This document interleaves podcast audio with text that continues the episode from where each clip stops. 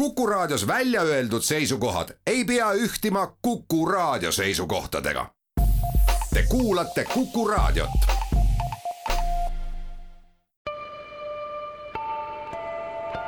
ilmaparandaja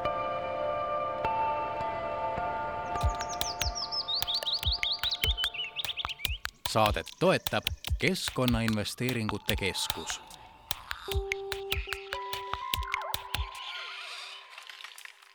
tere, head Kuku raadio kuulajad ja rõõm on alustada meie keskkonnasaadet nimega Ilmaparandaja. mina olen saatejuht Rein Pärn ja otse kalendrisse vaadates on näha, et kooliaasta algus on kohe ukse ees ja hetkel käivad usinad ettevalmistused, et lapsed saaksid jällegi vajalikke teadmisi suure õhinaga omale eluks kaasa hankima hakata. aga ka selles suunas, et koolitöö ja koolielu oleks korraldatud võimalikult keskkonnasõbralikult ja loodust säästvalt ja sellel nädalal tuli eh, ilmsiks, et Eesti Ringmajandusettevõtete Liit koostöös Saaremaa ja Muhu valla ning eh, kohalike ettevõtetega paigaldas kõikidesse Saaremaa ja Muhu koolidesse jäätmete sortimisjaamad. Ja saare rahvas saab nüüd olla uhke, et nende koolides selline oluliselt keskkonda säästev lahendus on olemas. ja kuidas ja miks need sortimisjaamad siis rajati ja mis on nende põhimõte, saamegi nüüd kohe kuulda ja stuudios on Eesti Ringmajandusettevõtete Liidu tegevjuht Margit Rüütelmann, tere päevast! tere ka minu poolt! kas uudis vastab siis tõele, et äh, sellised sortimisjaamad on nüüd äh, Saaremaa ja Muhumaa ja ka Hiiumaa koolides olemas? jaa, see kõik vastab tõele ja tegelikult pean ma minema natuke ajas tagasi ehk aasta tagasi, kakskümmend kakskümmend üks augustikuus said siis pilootprojekti käigus sortimisjaamad kõik Hiiumaa koolid ja kuna me leidsime, et see on ikkagi ääretult vajalik projekt, siis liikusime sel aastal edasi ja võtsime sihiks Muhumaa, Saaremaa koolid.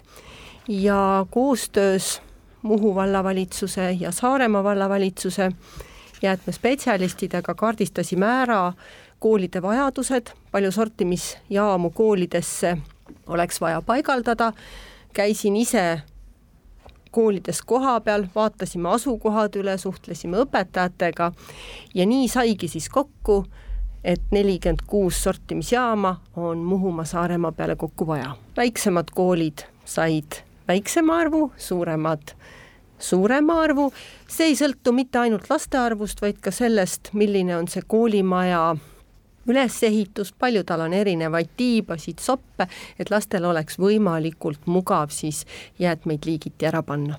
no see jaam kui sõna kõlab väga suurelt ja uhkelt, aga antud juhul jäätmete sorteerimisjaamad, mis need õigupoolest siis täpselt on? et jah, kui suured ja, ja kuidas need on paigaldatud sinna? Äh, sortimisjaamad, kõigepealt ma ütlen, et nad on ratastel, nad on liigutatavad ja iga sortimisjaam koosneb siis neljast sektsioonist, paberpapp, pakend, biojäätmed ja segaolmejäätmed. ja siis äh, noh, ega nad nüüd, nüüd ülisuured ei ole, eks ole, seal paari meetri kui, kui sedagi. ma nüüd mõõtmeid päris peast ei mäleta, aga ei, nad on väga disaini poolest väga ilusad, kuskil niisugune poolteist meetrit pikk ja kui vaja, siis on neid võimalik ka ümber tõsta ja kui, kui selgub, et äh, lapsed liiguvad mõnes teises kohas rohkem, kus neil on mugavam jäätmeid ära panna, siis alati on võimalik kohe see ka teisaldada ja, ja asjad ümber korraldada. iga äh, sortimisjaam on siis jaotatud neljaks sektsiooniks, kuhu siis saab teatud liiki jäätmeid äh, sisse panna, et mis liigid on seekord? no ikka täpselt needsamad, paberpapp, pakendid, biojäätmed, segaolmejäätmed ja tegelikult äh, hiidlased eelmisel aastal olid väga nutikad, panid juurde ka kohe pandipakendi konteineri ehk tegelikult äh, Hiiumaal on lausa viieks võimalik siis jäätmeid liigiti kooli sees koguda jah, aga siis on seda võimalik noh, seda kuidas öelda, laiendada siis seda jäätmete kogumise neid liike? no antud sortimisjaam on selline hästi kompaktne jaam, et sinna neid sektsioone praegu juurde tekitada võimalik ei ole, küll aga tulevikus võib muidugi selle peale mõelda ja ma toon kindlasti siin kohe välja ka ühe jäätmeliigi, millest meie oma liidus on väga palju juttu olnud, mis peaks kindlasti eraldi minema, see on klaasijäätmed.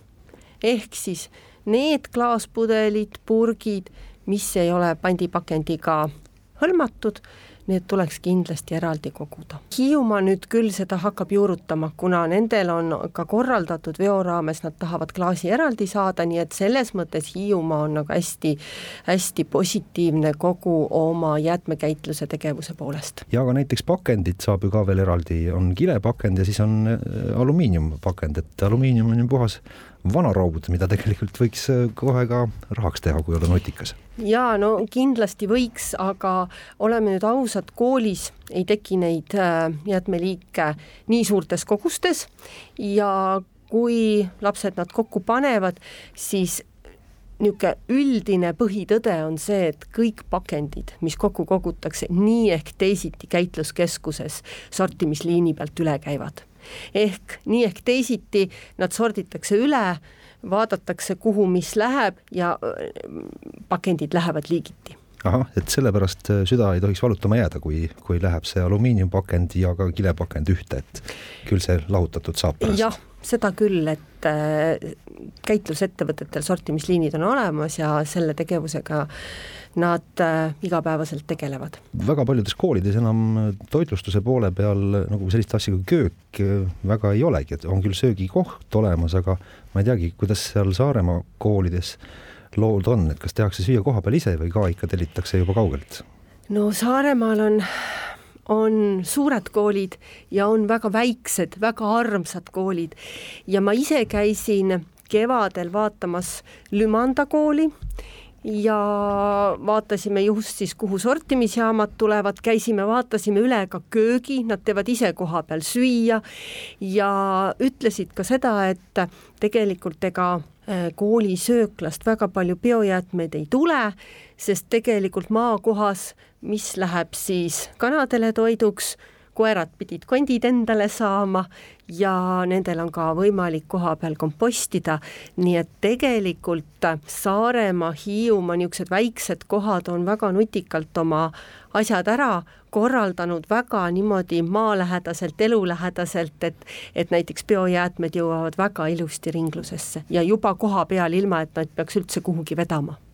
Ja mis nendest jäätmetest edasi saab, räägime ka natukene aga, aga pisut hiljem jah, et noh, näiteks äh, kas biojäätmete kompostimise võimalus on ka veel eraldi noh, nendes koolidesse rajatud, võib-olla jah, see küsimus oleks kohe asjakohane. no osades koolides on olemas ja just äh, väiksemates kohtades.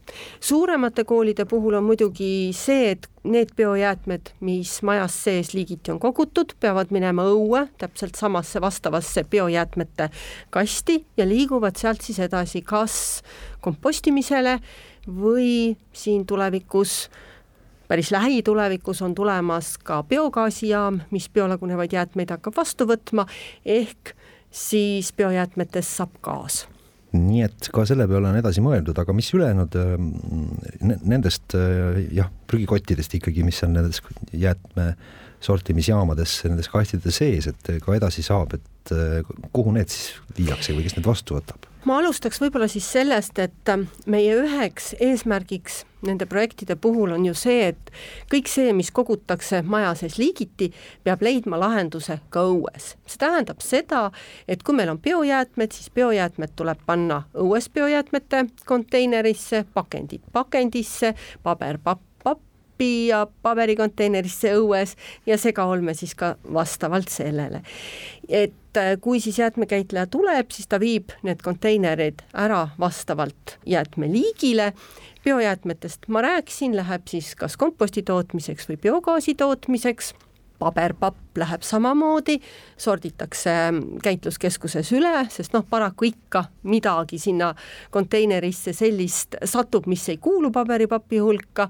Ja paberpapp läheb siis ka uuesti ümbertöötlemisele, pakendid sorditakse mm, käitluskeskuses ka liikide kaupa ära, noh, siin oli juttu juba alumiiniumpurgist, mis on metall, eks ju, sealt tuleb eh, samamoodi kilet kõike sellist, et nad hakkavad, need materjalid liikuma liikide kaupa ja ettevõtted siis, nendel on omad partnerid ja saadavad siis ümbertöötlusesse materjalid. et seda ei ole, et, et äh, jah, kõik koguvad hoolega liigiti ja siis tuleb veo või vedaja ja viskab kõik ühte ühte kasti, kuigi võib-olla visuaalselt vahest see võib ka niimoodi tunduda, aga tegelikult äh, ikka, ikka mitte ütleme niimoodi, et ma äh, vedajatega ju väga tihedalt igapäevaselt suhtlen ja kui ei ole mingit olulist põhjust, et näiteks konteineri sisu on väga ära rikutud ja ei olegi võimalik näiteks paberit, pappi eraldi ära viia, noh, on seal biolagunevad või on seal elektroonikat sisse visatud või no mida iganes. üldiselt ettevõtted ikka toimetavad väga kohusetundlikult ja ettevõttele on ju kasulikum ikkagi liigiti kogutud materjal liigiti kogutud materjaliga ära viia, sellega on siis edasi midagi teha. Nüüd aeg-ajalt sa- äh,, tekib äh, see olukord, kus äh, on olemas ju mitmekambrilised autod ja elanikule võibki tunduda, et oot-oot-oot, et kuhu need äh, materjalid nüüd läksid. noh, läksid küll ühte autosse, aga eraldi kambritesse.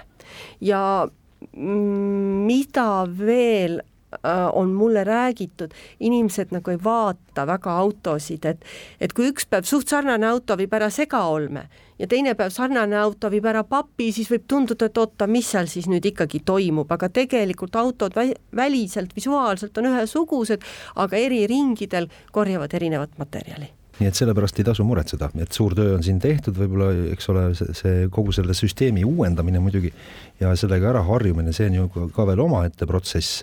et, et siis kõik töö tühja äh, läheb, et nii see siiski ei ole, aga üks suur küsimus on ikkagi jah, et mis kasu nüüd kool sellest otseselt saab, et noh, sellist vaeva ja nikerdamist äh, nende jäätmetega saab olema nüüd palju rohkem. Aga vist ikkagi see, et olmejäätmete eest jätkuvalt peab maksma, aga muu asja eest mitte. ütleme niimoodi, et eks see on ikkagi puhas hariduslik ja kasvatuslik projekt meie liidu poolt ja kui me oleme siin vaadanud numbreid, kuidas meil liigiti kogumine Eestis on aastate jooksul muutunud, siis ega väga suuri muudatusi näha ei ole. ja kust siis ikka peale hakata hakkame peale ikka lastest, nende harjumusi on võimalik väiksest peale kasvatada, lootuses, et äh, täiskasvanuna nad neid juba tekkinud harjumusi jätkavad ja jäätmeid liigiti koguvad, nii et äh, ütleme niimoodi, et ega kool nüüd ei saa, kool nüüd niimoodi otseselt rahalist kasu väga tõsist ja suurt kindlasti ei saa, aga saab seda, et äh, praktilise sortimisjaama näitel õpetajad saavad siis õpetada, kuidas jäätmetega ringi käia ja noh, tegelikult olen ma näinud ka seda, et ega õpetajad ise ka väga suure huviga vaatavad, et kuidas siis nende materjalidega peaks toimetama. ma nimetan just jäätmeid ka materjalideks, sest kui nad on liigiti kogutud, siis nad on tegelikult materjalid ja ressurss. aga summa summarum, et kui varem oli see, et kõik läks ühte prügikasti ja ühte olmejäätmete hunnikusse ja siis noh, selle eest tuli maksta ainult nii-öelda üks, üks konkreetne mm. summa. ja, ja nüüd, kui on see liigiti kogumine, et kas seal ikkagi mingit rahalist võitu tuleb? no mingi rahaline võit kindlasti tuleb, sellepärast et kui me võtame seda, et pakendid on tootja vastutus ja kui pakendid ära anda, siis tegelikult see on täiesti tasuta, kui me mõtleme seda, et biojäätmete puhul saame me toota komposti, saame toota biogaasi, ka nende kogumine on üldjuhul soodsam kui segaolmejäätmete kogumine, ehk kui niimoodi pikas perspektiivis vaadata, siis jaa, kindlasti rahalist kasu on selles asjas ka, aga algselt võib-olla on natuke seda tööd isegi rohkem, et õpetada ja kasvatada, et kuidas asjad päriselt käima peavad ilmaparandaja.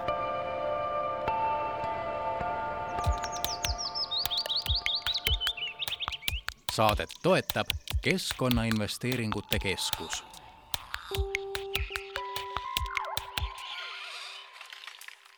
tere taas, jätkame Kuku raadio keskkonnasaatega Ilmaparandaja, täna räägime eh, sellest, et eh, nüüd kohe algava kooliaasta eh, algust tuleb saare rahvale väga uutmoodi selle nurga alt, et nüüd on koolides olemas eraldi jäätmete sortimisjaamad, kuhu saab siis jäätmeid liigiti ära panna ja seeläbi siis keskkond saab ka puhtamaks ning meil on jätkuvalt stuudios Eesti Ringmajandusettevõtete Liidu tegevjuht Margit Rüütelmann ja mina olen saatejuht Rein Pärn. aga nüüd juba käis läbi mitu korda see, et olukord on uus ja siit järgnebki küsimus, et no mis kogemus on näidanud, et kui palju läheb noh, ühel, ühel asutusel või ühel inimeste seltskonnal aega nüüd, et kogu selle uue olukorraga äh, ära harjuda või ja kõigepealt üldse õppida, et äh, mida üldse tohib millisesse kastikesse panna?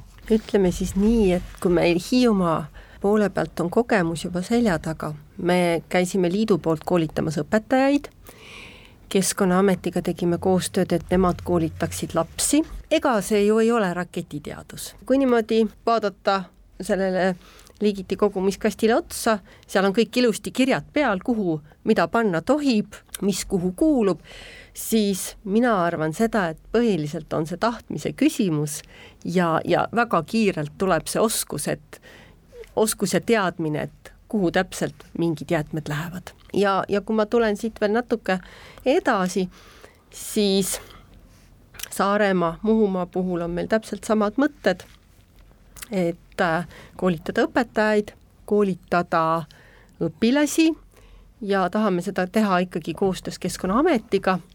seal on vastavad spetsialistid, kellel on väga vahvad näitlikud õppematerjalid ja nad väga ilusti oskavad lapsi õpetada.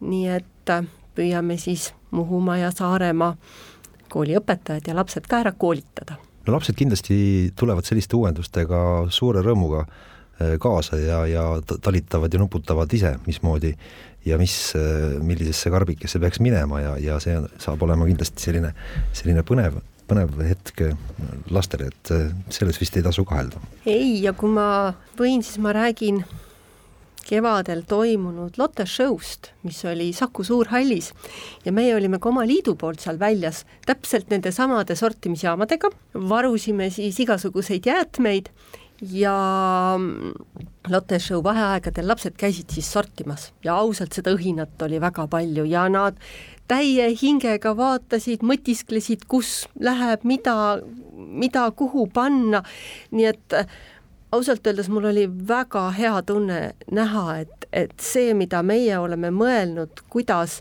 lapsi panna jäätmeid liigiti koguma, et see tegelikult ka päriselus toimib ja lapsed väga tahavad ja, ja mõtlevad, kuidas, kuidas nende jäätmetega toimetada. täiskasvanutega on võib-olla veidikene keerulisem see lugu, et kipub see alguse õhin kindlasti ka tuleb täiskasvanutele, aga kõik see olukord kipub nagu kiiresti ära ununema ja, ja muutub see selliseks noh, suvaliseks ja enam ei viitsita vaadata, millise sektori peal mis sildikene on ja visatakse lihtsalt suvaliselt ettejuhtuvasse. no eks siin on ka või kus see... on ruumi. jaa, eks siin on ka tegelikult see teema, et äh, kui inimene mingil hetkel näiteks kas pettub milleski, et konteiner on ületäitunud, ta ei saa panna, siis ta võib-olla loobub, aga on inimesi, kes väga vastutustundlikult jäätmeid liigiti koguvad ja on ka päris teine äärmus, kes ütleb, et ma ei hakka seda mitte kunagi tegema.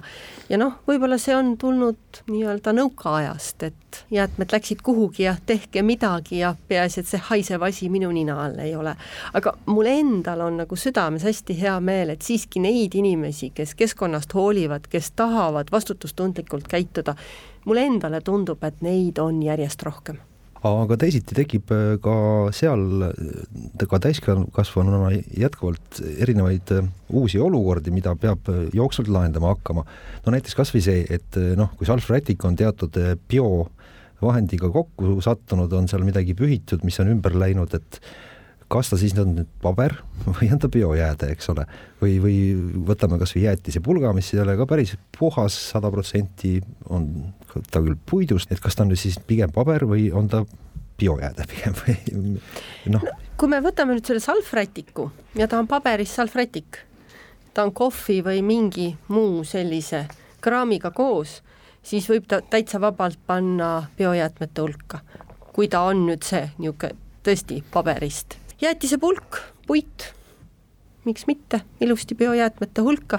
kui me mõtleme selle peale, kuidas komposti toota, toodetakse, siis tegelikult kompostile ju puiduhaket pannakse juurde just selleks, et protsess paremini käiks ja protsessi õhku tuleks, segatakse, nii et tegelikult nii salvrätt kui, kui see jäätisepulk võib ilusti biojäätmete konteinerisse panna. ka pakend, et kui ta on ikkagi veel oluliselt määrdunud või, või suuresti veel kasutamata, et mis, siin on ikka arvamused ju väga tihti lähevad äh, lahku, et ühed ütlevad, et võib visata täiesti pakendijäätmete hulka, et see pestakse niikuinii seal läbi, et pole hullu midagi aga teised kas siis ei usu seda juttu ja viskavad igaks juhuks olmejäätmete hulka või eh, kuidas see, kuidas teie sellest olukorrast aru saate? selles asjas on hästi lihtne reegel. kui pakend on enam-vähem puhas, noh, võtame kas või piimapaki, ma olen vaadanud, et piimapakkidel on päris ilusad juhised ka peal, kuidas piimapakiga toimetada, kuidas ta kokku voltida,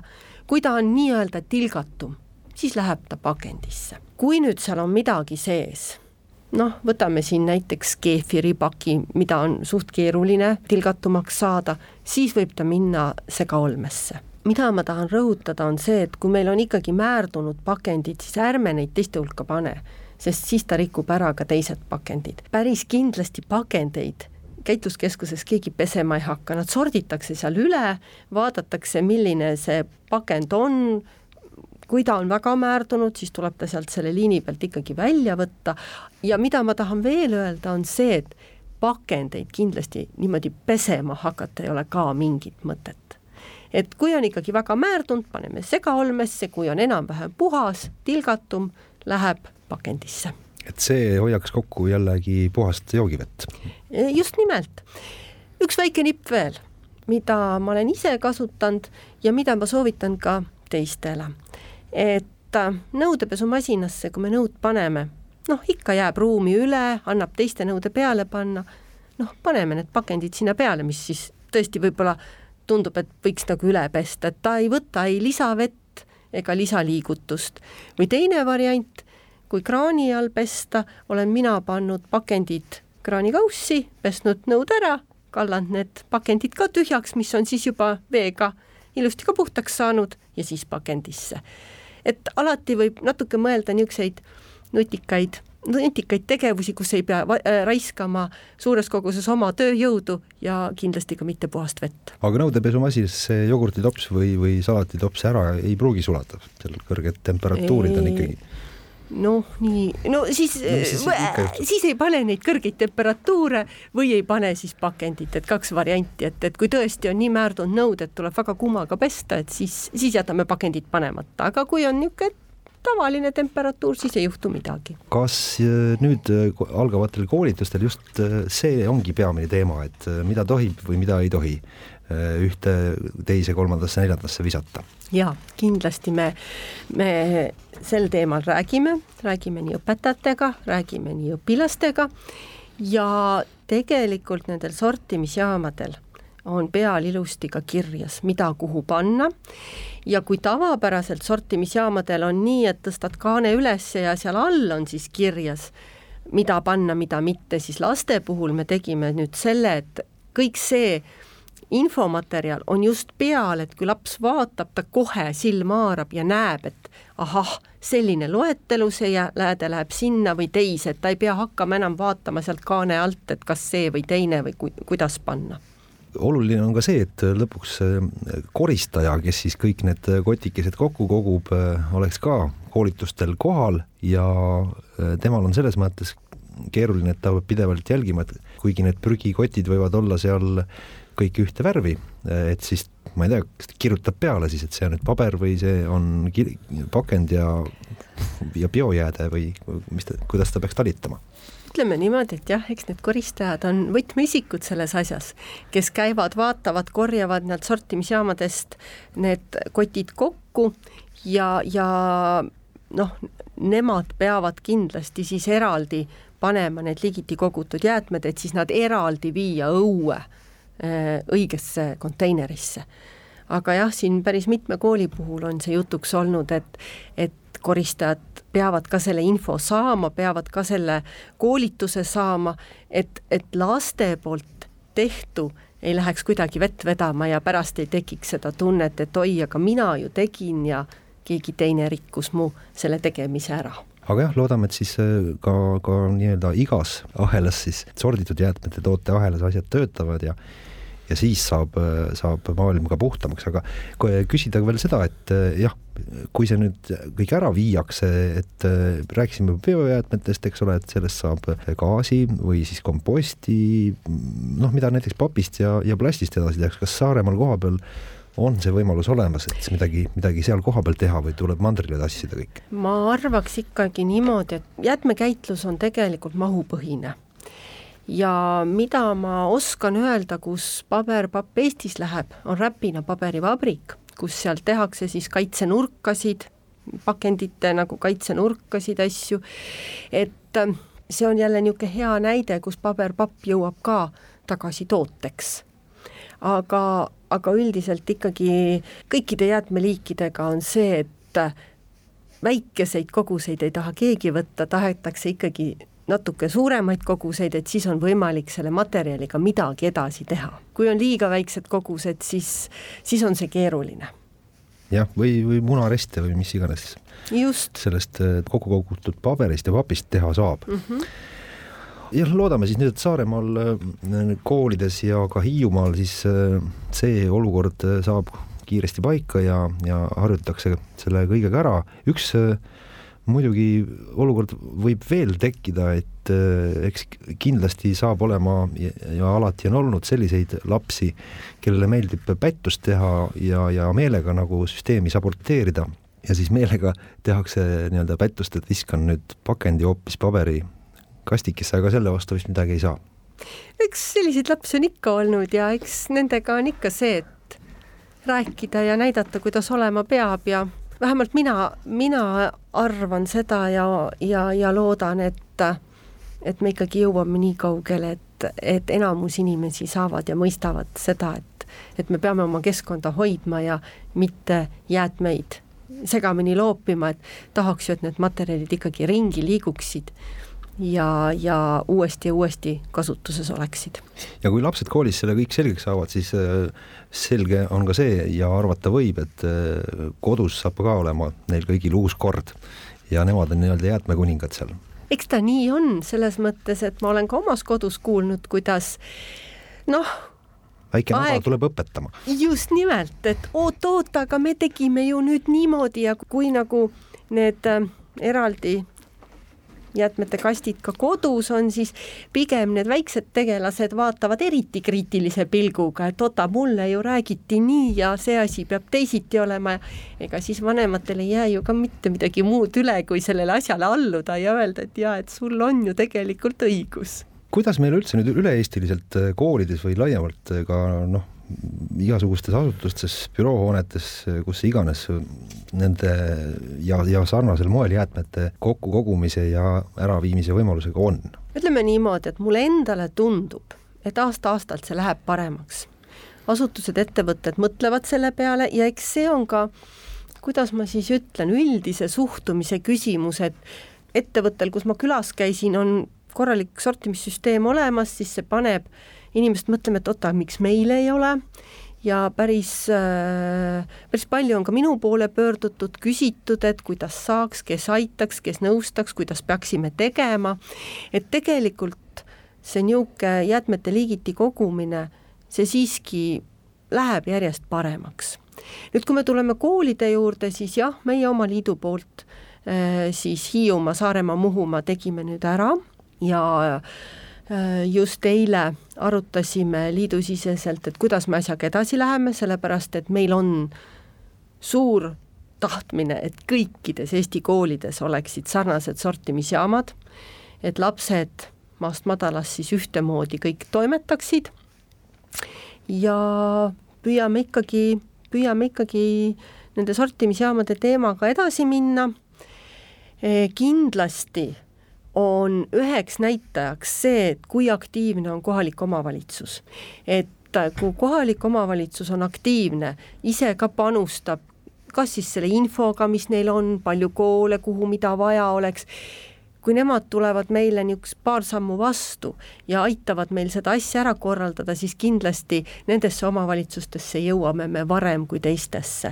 et äh, meil on kindlasti omavalitsuste tuge vaja, et, et äh, need sortimisjaamad koolidesse jõuaksid ja selles mõttes Hiiumaa ja Saaremaa ol- ja Muhumaa ka väga positiivsed näited, et omavalitsus ise oli väga huvitatud. aga muidu on teil järjekord juba pikk, kes samamoodi sellist sortimisjaama juba, juba ootaksid pikisilmi või? mulle on helistatud, mu käest on küsitud, aga noh, kuna me finantseerimise poole pealt siis panustame liidu ettevõtted pluss siis kohalikud ettevõtted, Hiiumaa puhul siis Hiiumaa ettevõtted, Saaremaa ettevõtted, siis noh, eks see finantseerimise pool on natuke keeruline, et ettevõteteni jõuda, ettevõtted tegelikult on väga positiivselt meelestatud ja näevad, et see on vajalik tegevus, et äh, me korjame need summad kokku, et sortimisjaamad panna ja siis me saame nad ka koolidesse laiali viia.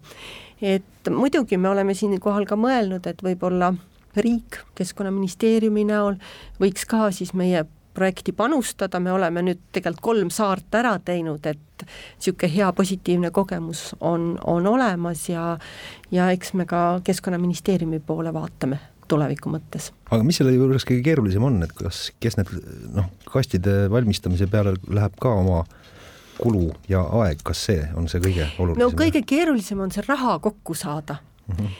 et Ringmajandusettevõtete Liidu liikmed nüüd on näinud, et see on nagu väga positiivne tegevus sel aastal, Saaremaa, Hiiumaa osas panustasid väga kena summa ja, ja ei olnudki palju vaja küsida, vaid nad ütlesid, et see on, see on nagu niisugune prestiižne asi, et teha, aga küll on ju jah, see, et jõuda siis selle omavalitsuse territooriumil toimetavate ettevõteteni, nendele rääkida, seletada ja, ja see nende panus kokku korjata nii et ta tasapisi, aga küll ta äh, ikkagi mm, muutub siin see Eestimaal, see Ringmajanduse Liidu olukord äh, paremaks äh,. tore uudis siis, et, äh, et nüüd mm, Saaremaa ja Muhumaa koolides on need jäätmejaamakesed, äh, sortimisjaamakesed olemas ja, ja seal algab nüüd see koolielu täiesti uutmoodi, ehk siis ole näha, mismoodi kõik see vastu võetakse ja kuidas see seal ka juurdub,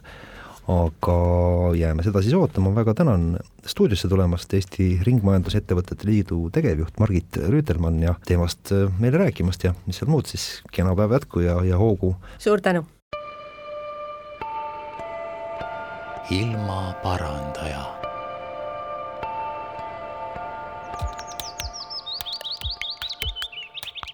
saadet toetab Keskkonnainvesteeringute Keskus.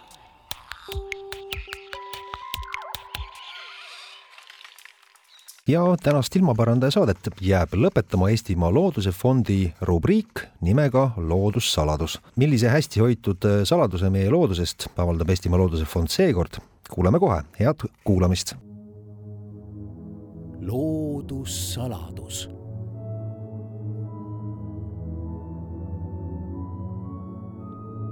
Eestimaa Looduse Fondi inimesed räägivad loodusest ja looduskaitsest.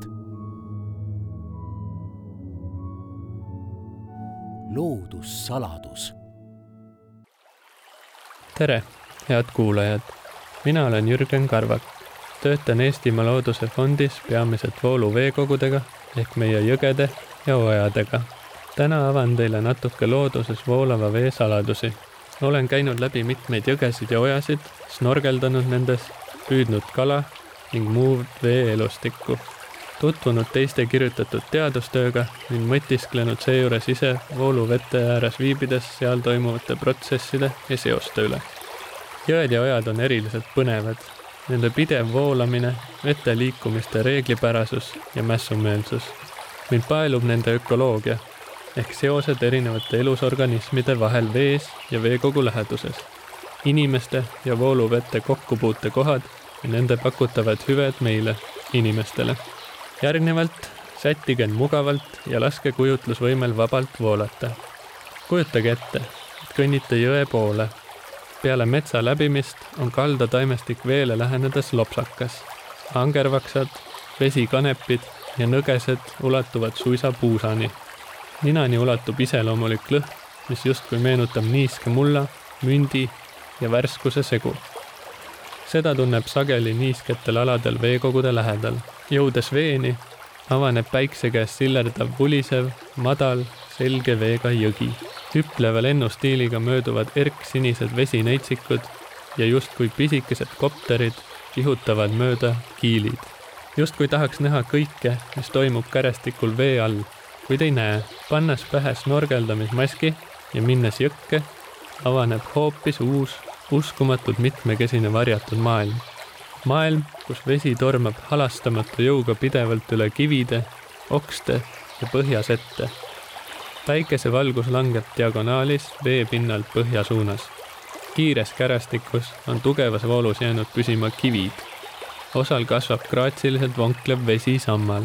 paiguti on vette langenud või voolu poolt kantud uppunud puud põhjas silman kividel lõputult tigusid ja mitmel pool ehmestiivaliste vastseid. Nad on putukate vastsed, kes liimivad endale vee all kivikestest, teokarpidest või muust väiksest materjalist kokku majad, mis neid kaitsevad. teraselt otsides leian ka mõne paksu jõekarbi.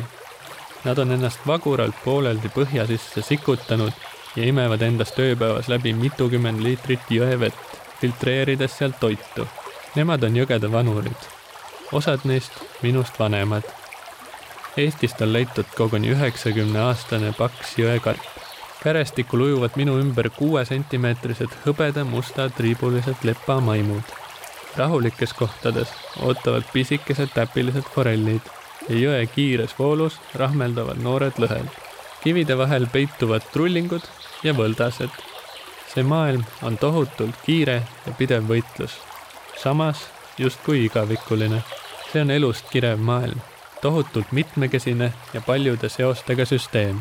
siiski peidab meie jõgede ja ojade veepinna all ka veel üks üsna nukker saladus. Nende tervisega ei ole kõik alati korras. meie vooluvete vesi pole küll enam nii saastatud kui eelmisel sajandil, kuid siiski on mageveed ühed maailma kõige haavatumad elupaigad.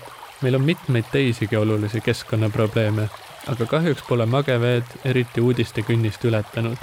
Nende voolu on takistatud, et toota Eesti tasasel maal vähest hüdroenergiat. Nende looklevad sängid on kaevatud sirgeks ja ühetaolisteks voolukanaliteks, et vesi voolaks kiiresti minema aladelt, kus kasvatada metsa ja harida põldu.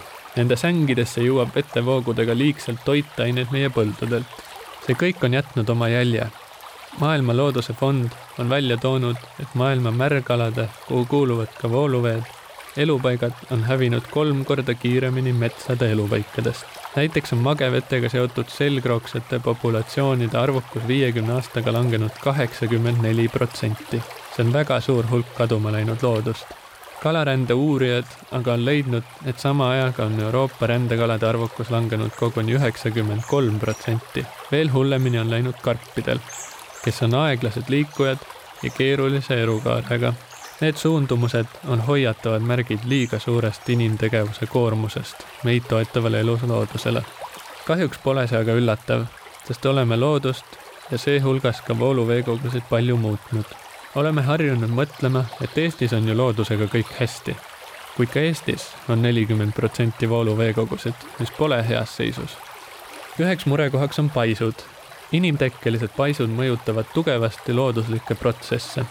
Nad takistavad veeelustiku rändeid, loomulikku ja vajalikku setete liikumist allavoolu, sageli uputavad enda alla väärtuslikud kärestikud, nendes soojeneb kuuma ilmaga vesi liiga soojaks, on veereostuse ja hapnikupuuduse oht ning sageli eritub rohkelt tugevat kasvuhoonegaasi metaani Eesti jõgede ja ojade vaba voolu takistab ning elupaikasid killustab veel ligi tuhat paisu.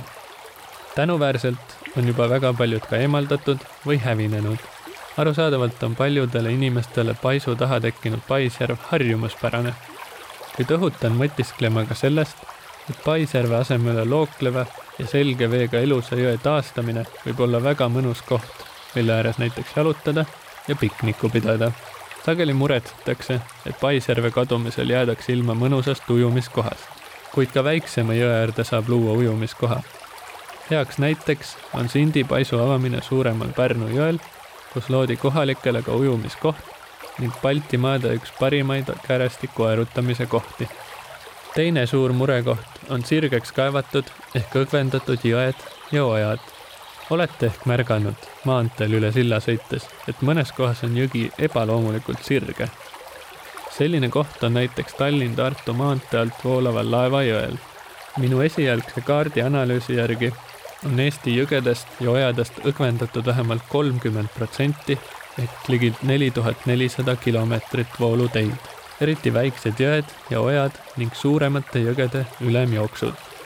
Niimoodi on kaotatud palju looduslikke mitmekesiseid jõelisi elupaikasid, mis on asendunud õgvendamise järel ühetaolise sirge voolukanaliga, kus on vähe erinevaid pelgupaikasid veeelustikule.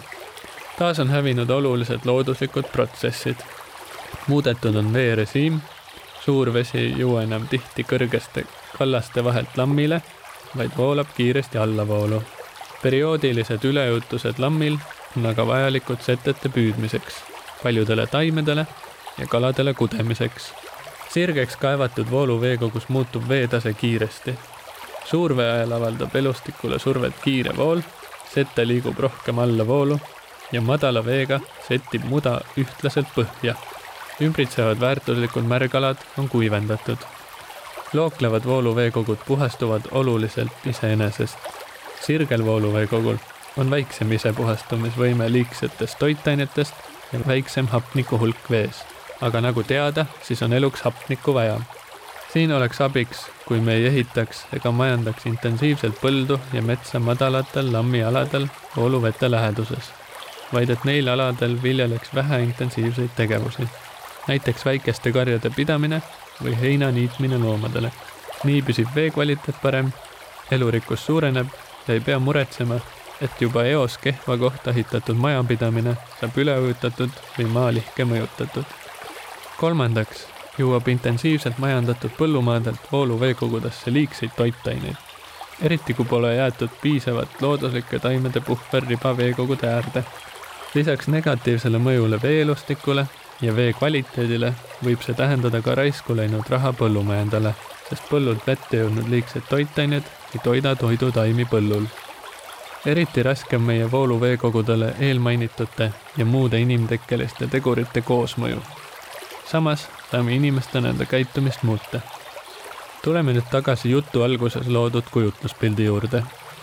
jõgesid ja ojasid on Eestis palju enamik inimeste kodudele võrdlemisi lähedal voolab mõni seepärast palun teil, head kuulajad, märgata nii suuremaid jõgesid kui ka väiksemaid, kohati märkamatuid ojasid. Meenutage lapsepõlves või hilisemaid kanuumatku. mis meenub? kas avastamisrõõm ja kaunis vaatepilt looklevast jõest ja tiheda taimestikuga kallastest? selle voolava vee olulist rolli tuletage meelde ka sõpradele. korjake nende kallastelt prügi, et levitada mõtteviisi ja see ei jõuaks lõpuks merre või järvedesse. ärge puhastage nende kaldaid piinlikult puhtaks puurontidest, sest need on vajalikud elu ja varjepaigad veeelukatele. rääkige tuttavatele põllupidajatele, et nad jätaksid põllu ja veekogu ka kraavi vahele kasvama mõnekümnemeetrise puude või niidutaimede riba, et takistada liigset väetiste jõudmist vetesse ja pakkuda elupaika lindudele ja putukatele rääkige paisude avamise ja vooluvete looklevuse taastamise vajadusest. See kõik on vajalik ka meile endale, et saaksime tervislikku kala süüa, juua puhast vett, abi meile meie põllutaimi tolmeldavatest putukatest ja kahjurite ohjeldamisest ning puhata keha ja virgutada vaimu meile mõnusas keskkonnas. hoiame meie jõgesid ja ojasid. see on austusavaldus elule meie ümber ja vajalik ka meile endale järgmist loodussaladust kuulete juba kuu aja pärast. Kuulmiseni. Ilmaparandaja.